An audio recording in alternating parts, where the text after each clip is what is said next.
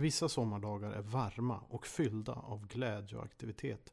Åtminstone för barn, så som 11-årige Rice Jones som den 22 augusti 2007 var på väg hem från träning i Croxteth Park i Liverpool.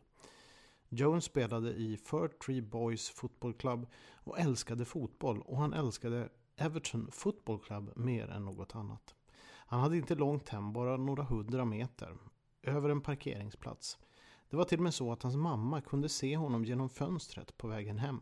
Just denna kväll, denna timme, minut och sekund var dock fel tid att passera parkeringen då en behuvad gängmedlem sköt mot ett rivaliserande gäng och Rice Jones råkade komma emellan. En kula träffade.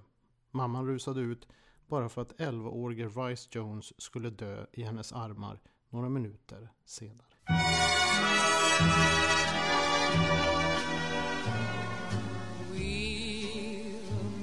Again. Don't know where, don't know when,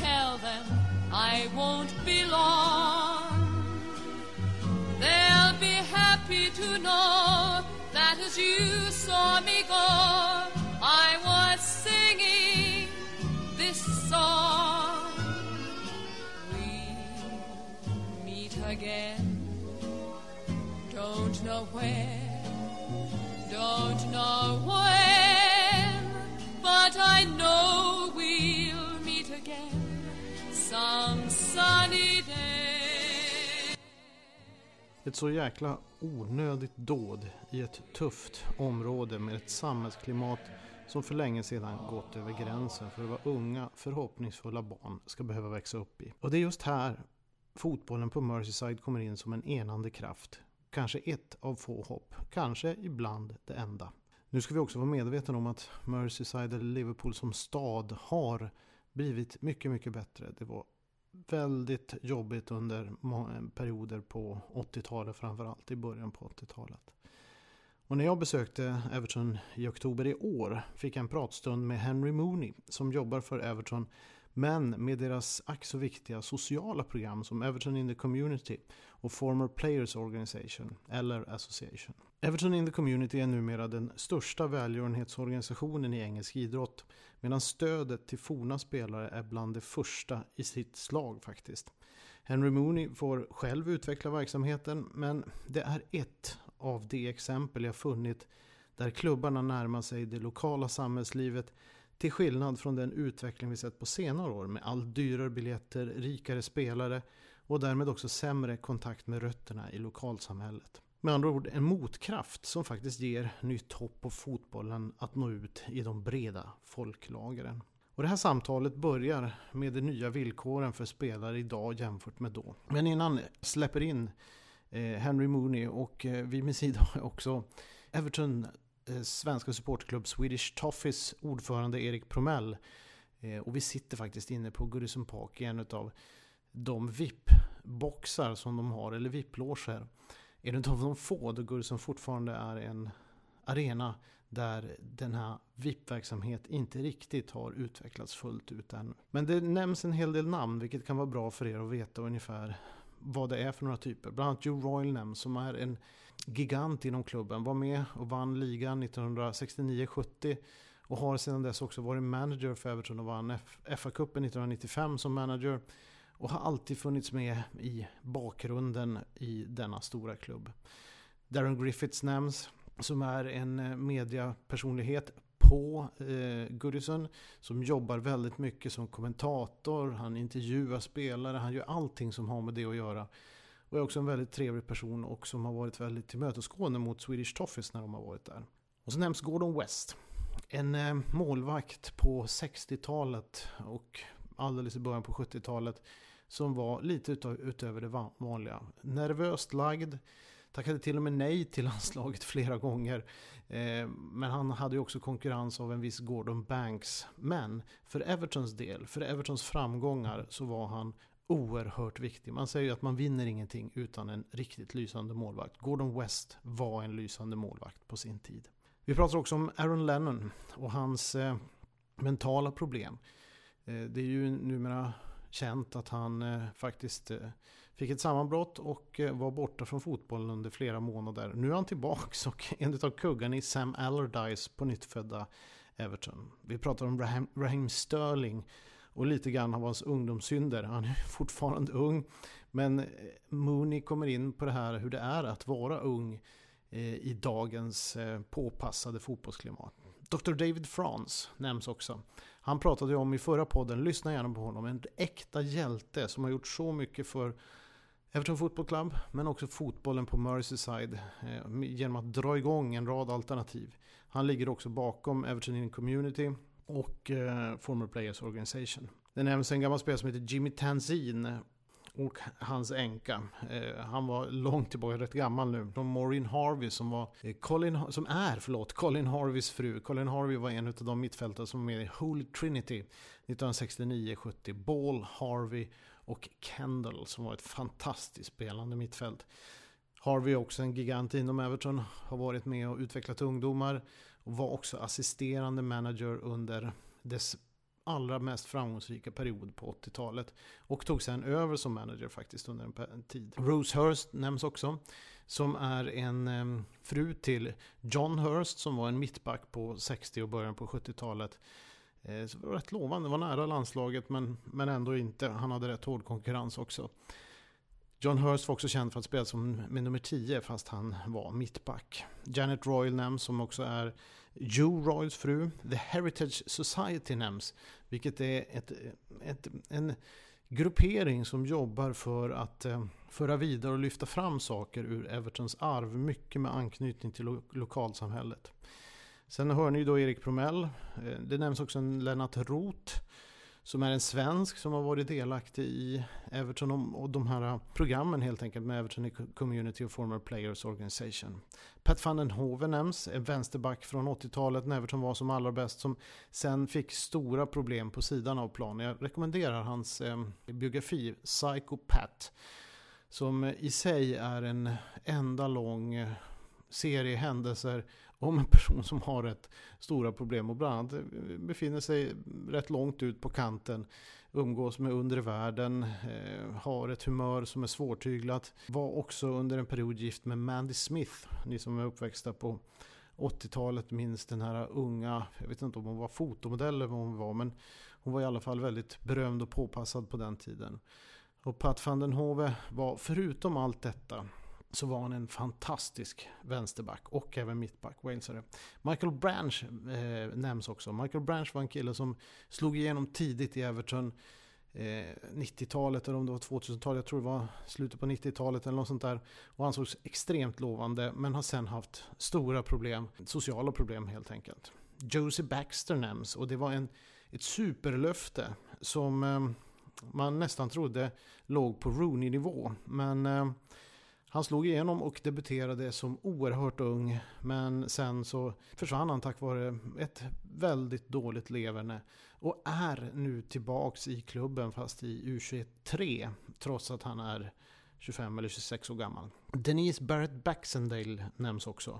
Och det är hon som är ansvarig och driver Everton in the Community och har gjort den eh, tillsammans med, med här som Henry Moody så stor som den de facto är idag.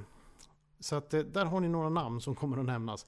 Ni behöver inte komma ihåg dem, men för er som vill veta bakgrunden. Men sen så tycker jag att vi låter Henry Mooney eh, berätta mer om dessa saker. Ni lyssnar på Old School Football Podcast och jag heter Per Malmqvist Stolt, men nu Henry Mooney.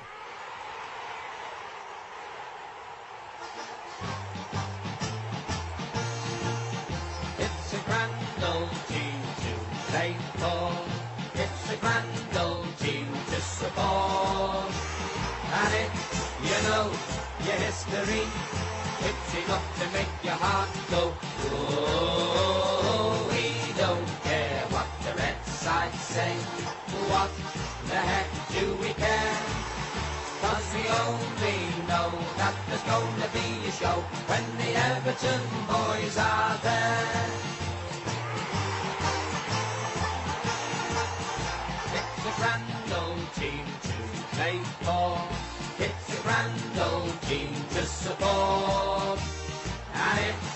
Know your history, it's enough to make your heart go, whoa. We don't care what the red side say. What the heck do we care? Cause we only know that there's gonna be a show when the Everton boys are there.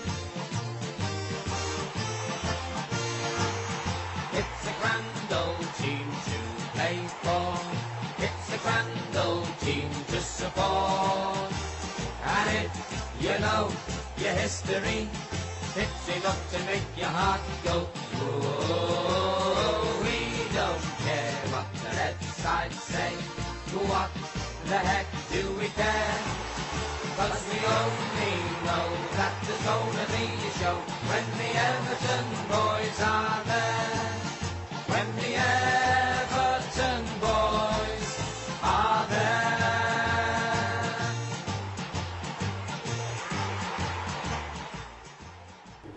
We start here, welcome, Henry Mooney, or you should say welcome because I'm here at Goodison Yeah, Park. welcome to Goodison Park uh, on behalf of Everton Football Club, Everton in the community, the Everton Former Players Foundation.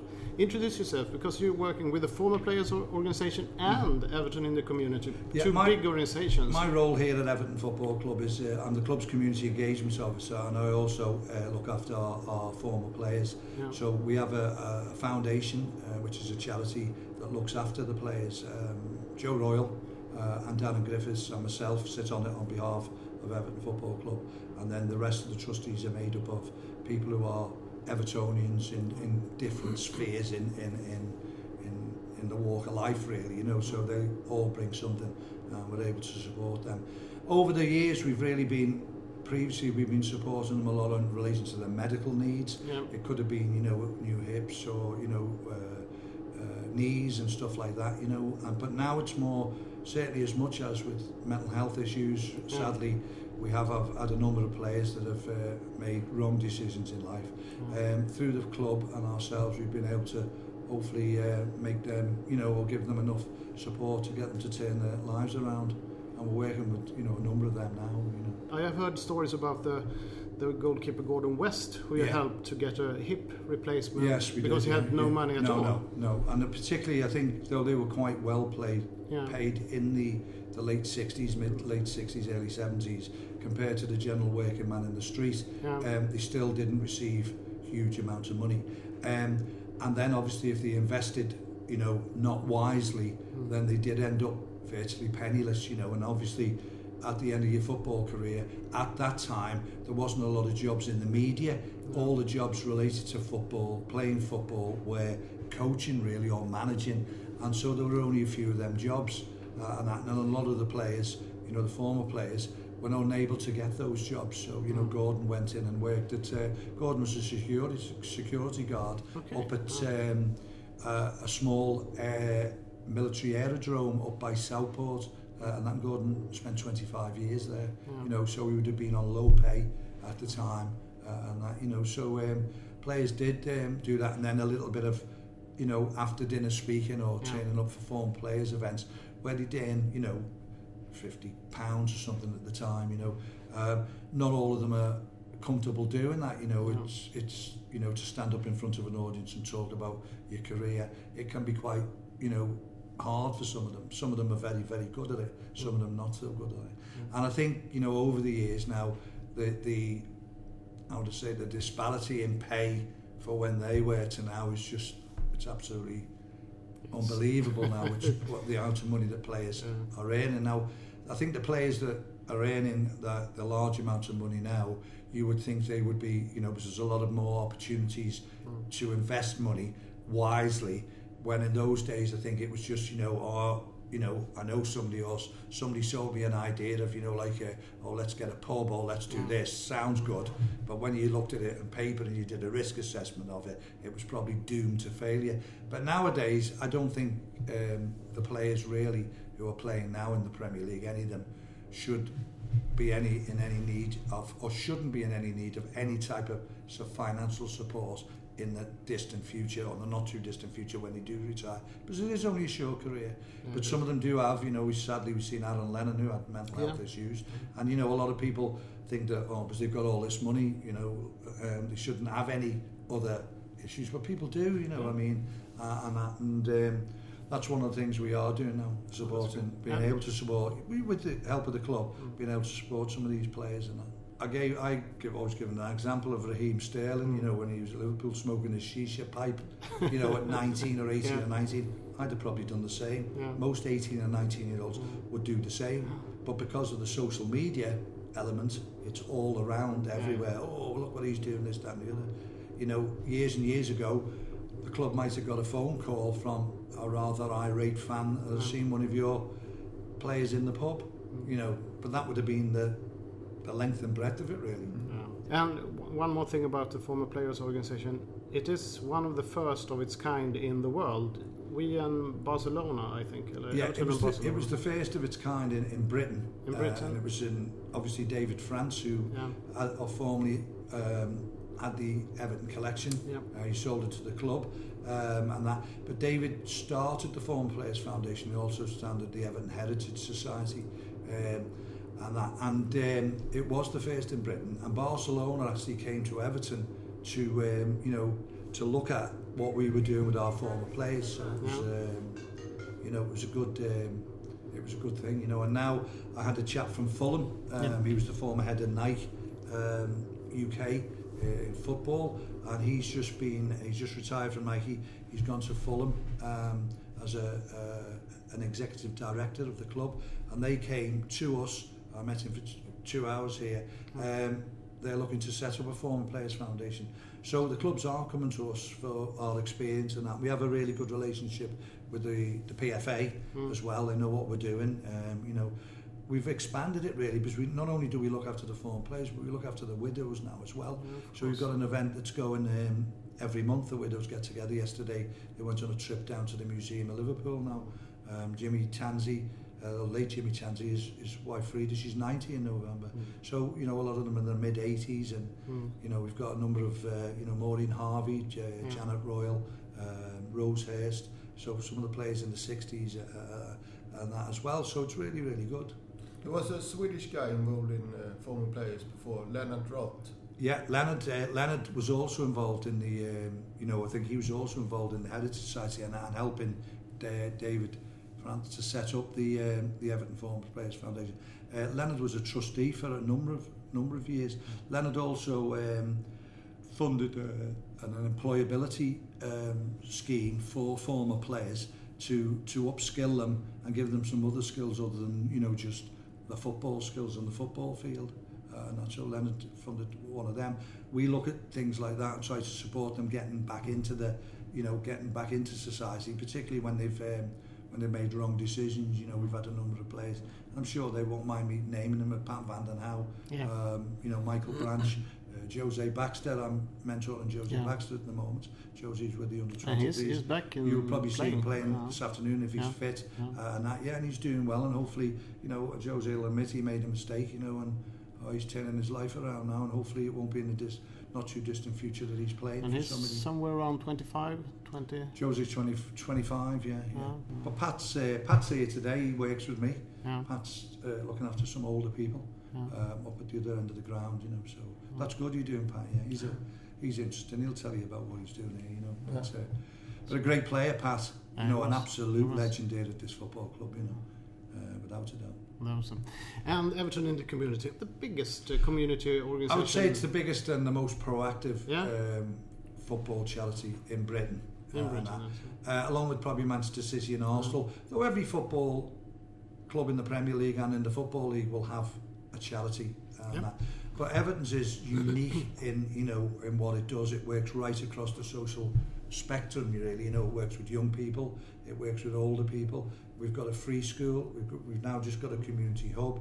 We've now invested, uh, you know, in the local community with uh, buying St Francis de Sales, which is the old Catholic parochial club. Yeah. That's going to be a resource for disabled people, and particularly on match days, former players and stuff will be able to access that, you know, and the general public as well.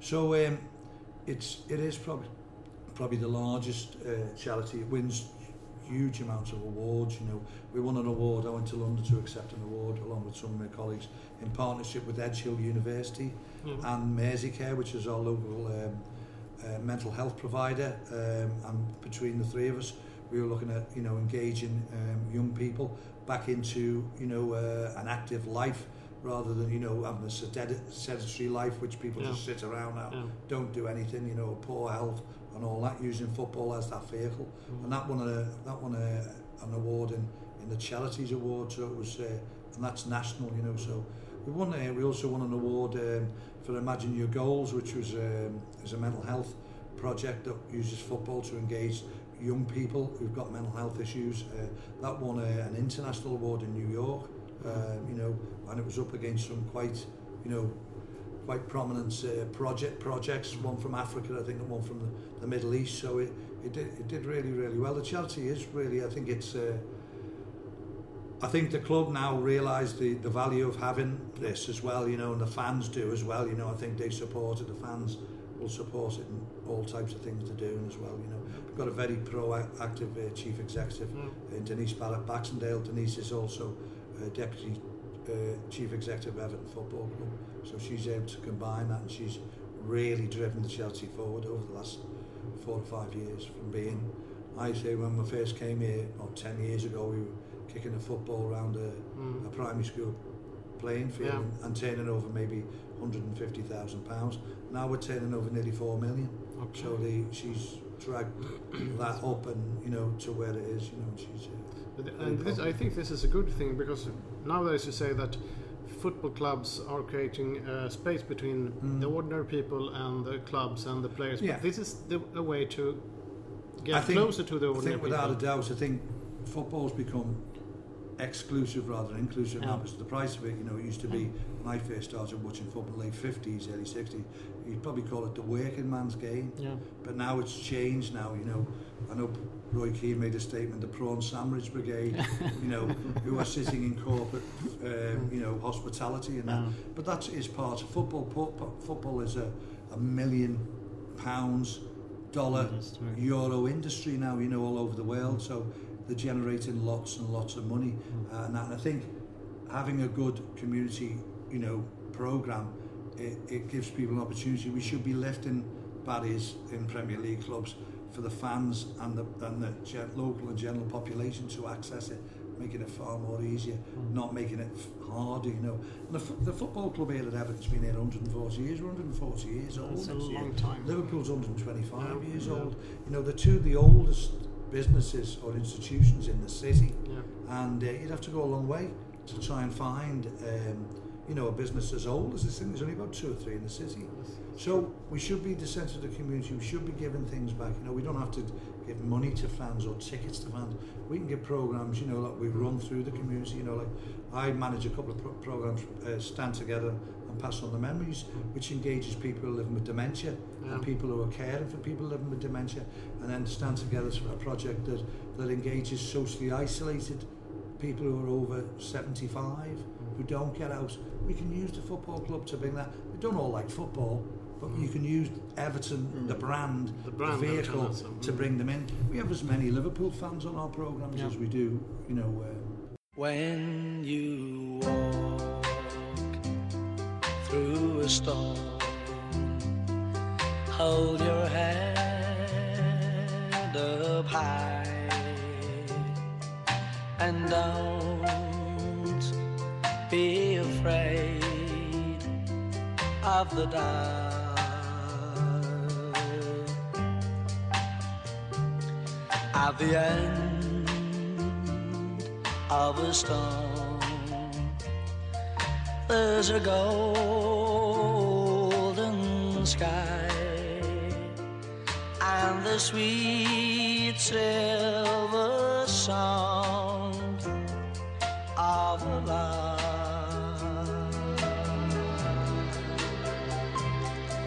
我看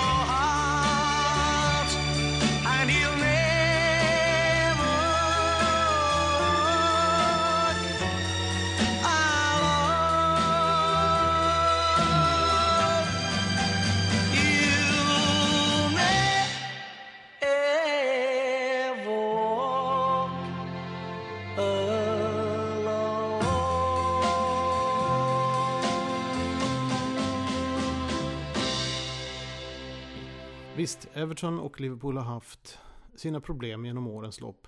Jag tror knappast eh, fansen gjorde sig populära under sina plundringsäventyr i Europa under 70 och 80-talet. Eller när 39 personer dog på Hazelstadion 1985 i en fruktansvärd tragedi utlöst av den tidens huliganism. Vilket för övrigt satte krokben för Everton som nu, eller då, skulle erövra Europa efter ligasegern och seger i cupvinnarcupen 85. Men likt Liverpool och alla andra lag blev man avstängda från Europa. Det var ett initiativ som framförallt Margaret Thatcher tog. Det var faktiskt prästen Ben Swift Chambers som drog igång en verksamhet inom St. Domingos Church i Liverpool i syfte att få lite ordning på ungdomen. Fotbollen var då en mer råbarkad variant av rugby. Den senare utvecklades på lärosätena medan fotbollen utvecklades på gatan. Många klubbar bildades genom kyrkans försorg, på den tiden i alla fall. Men denna skulle snart växa och bli till Everton Football Club, vilka i kamp mot den då rivaliserade klubben Bootle såg till att ta en plats när engelska ligan bildades 1888. Everton spelade sina matcher på Anfield Road och eh, en betydelsefull herre för Evertons väl och ve var en viss John Holding som eh, klubben hyrde Anfield av. Eh, bland annat, han hade finansierat klubben vid flera tillfällen och gett lån för att driva verksamheten egentligen. Eh, Evertons första titel togs ju på Anfield men ganska snart uppstod därefter en konflikt avseende bland annat hyran, vilken Holding då ville höja. Holding var ju en, en sann affärsman och såg ju här möjligheten att nu när Everton var framgångsrika, vilket de inte hade varit tidigare, så skulle de också betala i paritet med framgången. Men Everton vägrade och tog sitt pick och pack och gick över Stanley Park för att bygga en ny arena vid namn Goodison Park. Och det var då Holding valde att bilda Liverpool Football Club och en första konflikt och separation mellan de två var därmed då ett faktum. Det fanns dock två klubbdirektörer, Will Cuff i Everton och John McKenna i Liverpool, som såg till att klubbarna hittade tillbaka till varandra, vilket bland annat fick effekten av att man hade ett gemensamt matchprogram. Mellan 1904 och 1935 faktiskt skedde detta. Så det var en rätt lång period. Efter ett tag skiftade man endast på färgen på fotbollsspelen som fanns på framsidan, beroende på vilket lag som spelade hemma just den, den helgen. I matchprogrammet lyftes även klubbarnas gemensamma intressen fram och där fanns också en hel del skriverier om initiativ för att då bistå och hjälpa behövande i närområdet. I slutet av 50-talet tog en viss John Morse över sitt favoritlag Everton FC. Morse hade byggt upp ett affärsimperium, vilket under en period skulle göra honom till en av världens rikaste män faktiskt. Få har gjort så mycket för staden Liverpool som Sir John Morse som han sen blev kallad. Han adlades ju på ålderns höst. Och eh, själva universitetet i Liverpool är faktiskt uppkallad efter honom. Och han frälste som sagt var då han som ung hängde på Goodison och fick uppleva 20 och 30-talets gigant inom engelsk fotboll, Dick Sedin. Vilket han även såg till att ge jobb efter fotbollskarriären var över. Och så slapp, som så många andra fotbollsspelare, Dick Sedin leva i armod. Och då talar vi om en person som med den tidens mått hade ett stjärnstatusnivå i stil med David Beckham. Det är svårt att jämföra men alla kände till Dixie Dean. Eh, även om han inte visades på TV. Eh, unge Morse gjorde som så många andra på den tiden. Han gick ju faktiskt till båda arenorna beroende på vilka som spelade hemma den veckan. Det var väl egentligen på 60, kanske 70-talet som man började resa med sina lag till bortamatchen och då blev inte det här lika vanligt längre. Och sen från och med 90-talet så har ju då biljettpriserna ökat markant vilket innebär att det är ju inte alls samma sak att bara glida förbi en lördag och kolla lite Liverpool och sen glida förbi nästa lördag och kolla lite Everton. Men blev därmed bidragsgivare och även aktieägare till båda klubbarna. Han upprepade flertalet gånger vikten av att båda klubbarna gjorde bra ifrån sig, även om han helst önskade att Everton skulle vara bäst. The Toffees gjorde han till 60-talets kanske rikaste klubb. Men han var också bidragen till att Bill Shankly kom till Liverpool. Shankly hade tidigare tackat nej till att ta över Liverpool eftersom laget togs ut av en styrelse eller ja, kommer till, nej, det var någon styrelse. Men när han väl anlände från tips av en viss Matt Busby, för eh, det var Moore som hade sammanfört Liverpools eh, ordförande tror jag då med eh, Matt Busby och Matt Busby tipsade om Shankly. Eh, så såg Morse till också att en direktör, och det här är rätt viktigt vid namn Eric Sawyer, värvades till Liverpool. Sawyer jobbade åt Moores och var extremt kompetent sägs det. Eller det bevisades ju senare också. Shankly fick total makt över allt i klubben i Liverpool. Det var ju rätt unikt på den tiden. Matt Busby hade fått det i, i, i Manchester United, Bill Shankly fick det nu i Liverpool. Och det här gjorde ju också att man kunde professionalisera de här klubbarna rent fotbollsmässigt. Och där blev ju Sawyer den viktiga länken, för han såg till att fixa in pengar. Shankly ansvarade för vilka han eh, ville ha och inget annat. Och Sawyer såg till att, att eh, dra in pengar. Och det var ingen i styrelsen som längre vågade gå ner och göra affärer bakom ryggen på Shankly. Bland annat en av de första saker som hände som gjorde att Shankly sa upp sig, han sa upp sig rätt många gånger i vredesmod. Men det var när eh, styrelsen gick bakom ryggen och sålde en viss Johnny Morrissey till Everton. Morrissey var liksom en ung person som spelade i reservlaget då, men som fanns i Shankleys framtidsplaner. Och sedan dess, jag tror det var faktiskt sedan dess, så, så det var det sista som styrelsen la sig i och tog den här typen av beslut. Och familjen Morse, de var ju faktiskt delägare även i Liverpool fram till dess att amerikanerna släpptes in för inte allt för länge sedan. Under det tuffa 80-talet då Merseyside utarmades allt mer så skulle Everton och Liverpool helt plötsligt inte bara vara bäst i England utan sannolikt i Europa. Den första stora finalen lagen emellan skedde så sent som 1984 i ligacupen. Matchen slutade oavgjort och med gemensamt ärevarv där publiken sjöng Merseyside, Merseyside. Till och från eh, matchen hade blå och röda supportrar åkt i gemensamma bussar, vilket också skedde till de efterföljande fa finalerna lagen emellan 1986 och 1989. FA-cupfinalen 1989 kanske är det perfekta exemplet på när fansen från båda sidor enas. 96 Liverpool-supportrar kom aldrig hem från semifinalen på Hillsborough. De klämdes ihjäl. Med tanke på klubbarnas gemensamma historia kan supporterskapet dela släkter, vänner och till och med familjer i tur, det vet vi. Red shite hit och blå shite dit, men när det gäller så står man ofta stenade och ställer upp för varandra. Offren på Hillsborough hade ju både röda och blå vänner helt enkelt och släktingar. Röda och blå halsdukar om vartannat prydde Anfields Shankly Gate och en mile of scarves knöts mellan Goodison och Anfield. Och dessutom möttes de båda lagen i fa Cup-finalen 1989 då, vilket blev en synnerligen känslomässig tillställning. Vid 20-årsminnet av tragedin höll Evertons ordförande Bill Canwright ett känslomässigt tal på The Cop. Han beskrev sin egen barndom och hur han som Everton-supporter varit på Anfield och hur de äldre lyfte fram honom så som han gjorde då över huvudena för att han skulle få en bättre plats att stå på. Det går också rätt många historier om när Bill Shankly på äldre dagar inte var välkommen till Liverpools träningsanläggning Melwood. Av förklarliga skäl då han hade förmågan att ta över och dominera alla rum han befann sig i. Men han bodde ju granne med Evertons träningsanläggning Belfield. på vilken han blev stamgäst. Han satt ofta där och tog sig en kopp te och utövade klassisk banter med Evertons spelare och ledning och han var alltid välkommen. Det här är ett bra exempel på hur rivaliteten är stenhård.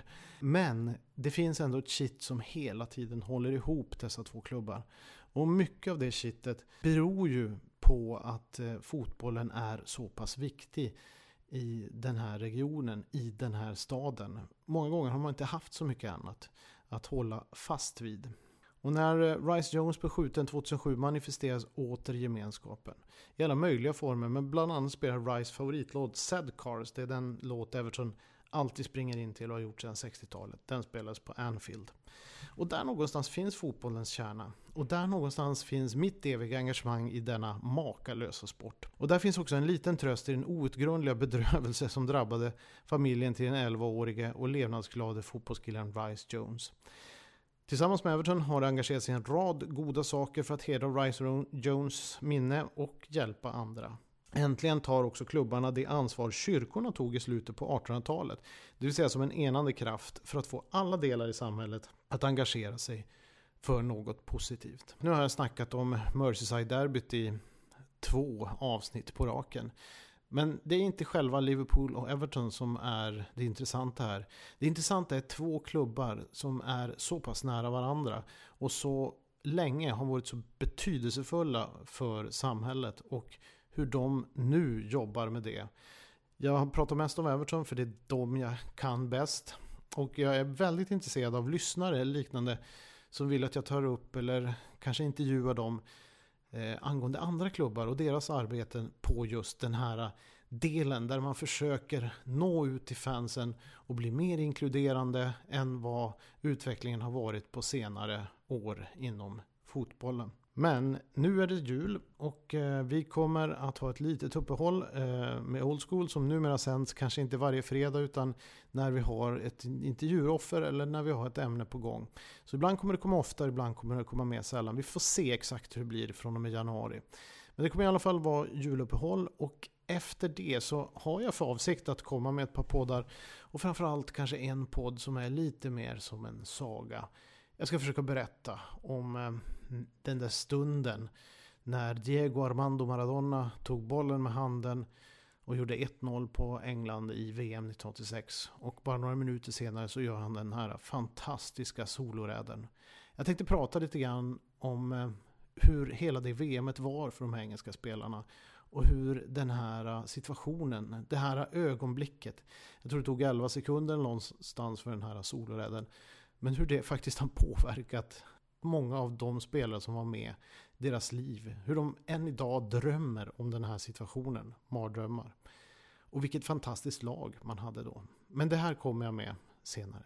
Nu vill jag bara önska er en riktigt god jul. Old School Football Podcast i väntan på lördag och julen. Skål!